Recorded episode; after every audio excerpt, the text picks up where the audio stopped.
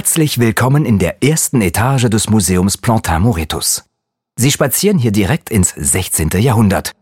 Das Jahrhundert von Christoffel Plantin und seinem weltweit agierenden Antwerpner Verlag.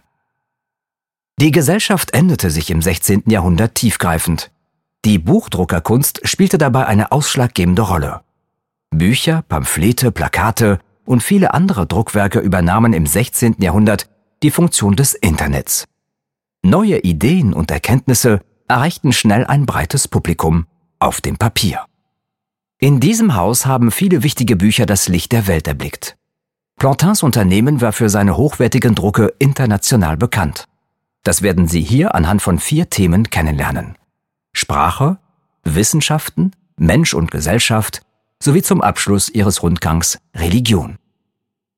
Außerdem werden Sie auf dieser Etage prächtige historische Räume wie die Bibliothek, die Letterngießerei und einen authentischen Salon aus dem 18. Jahrhundert kennenlernen, in denen 300 Jahre lang Menschen gelebt und gearbeitet haben.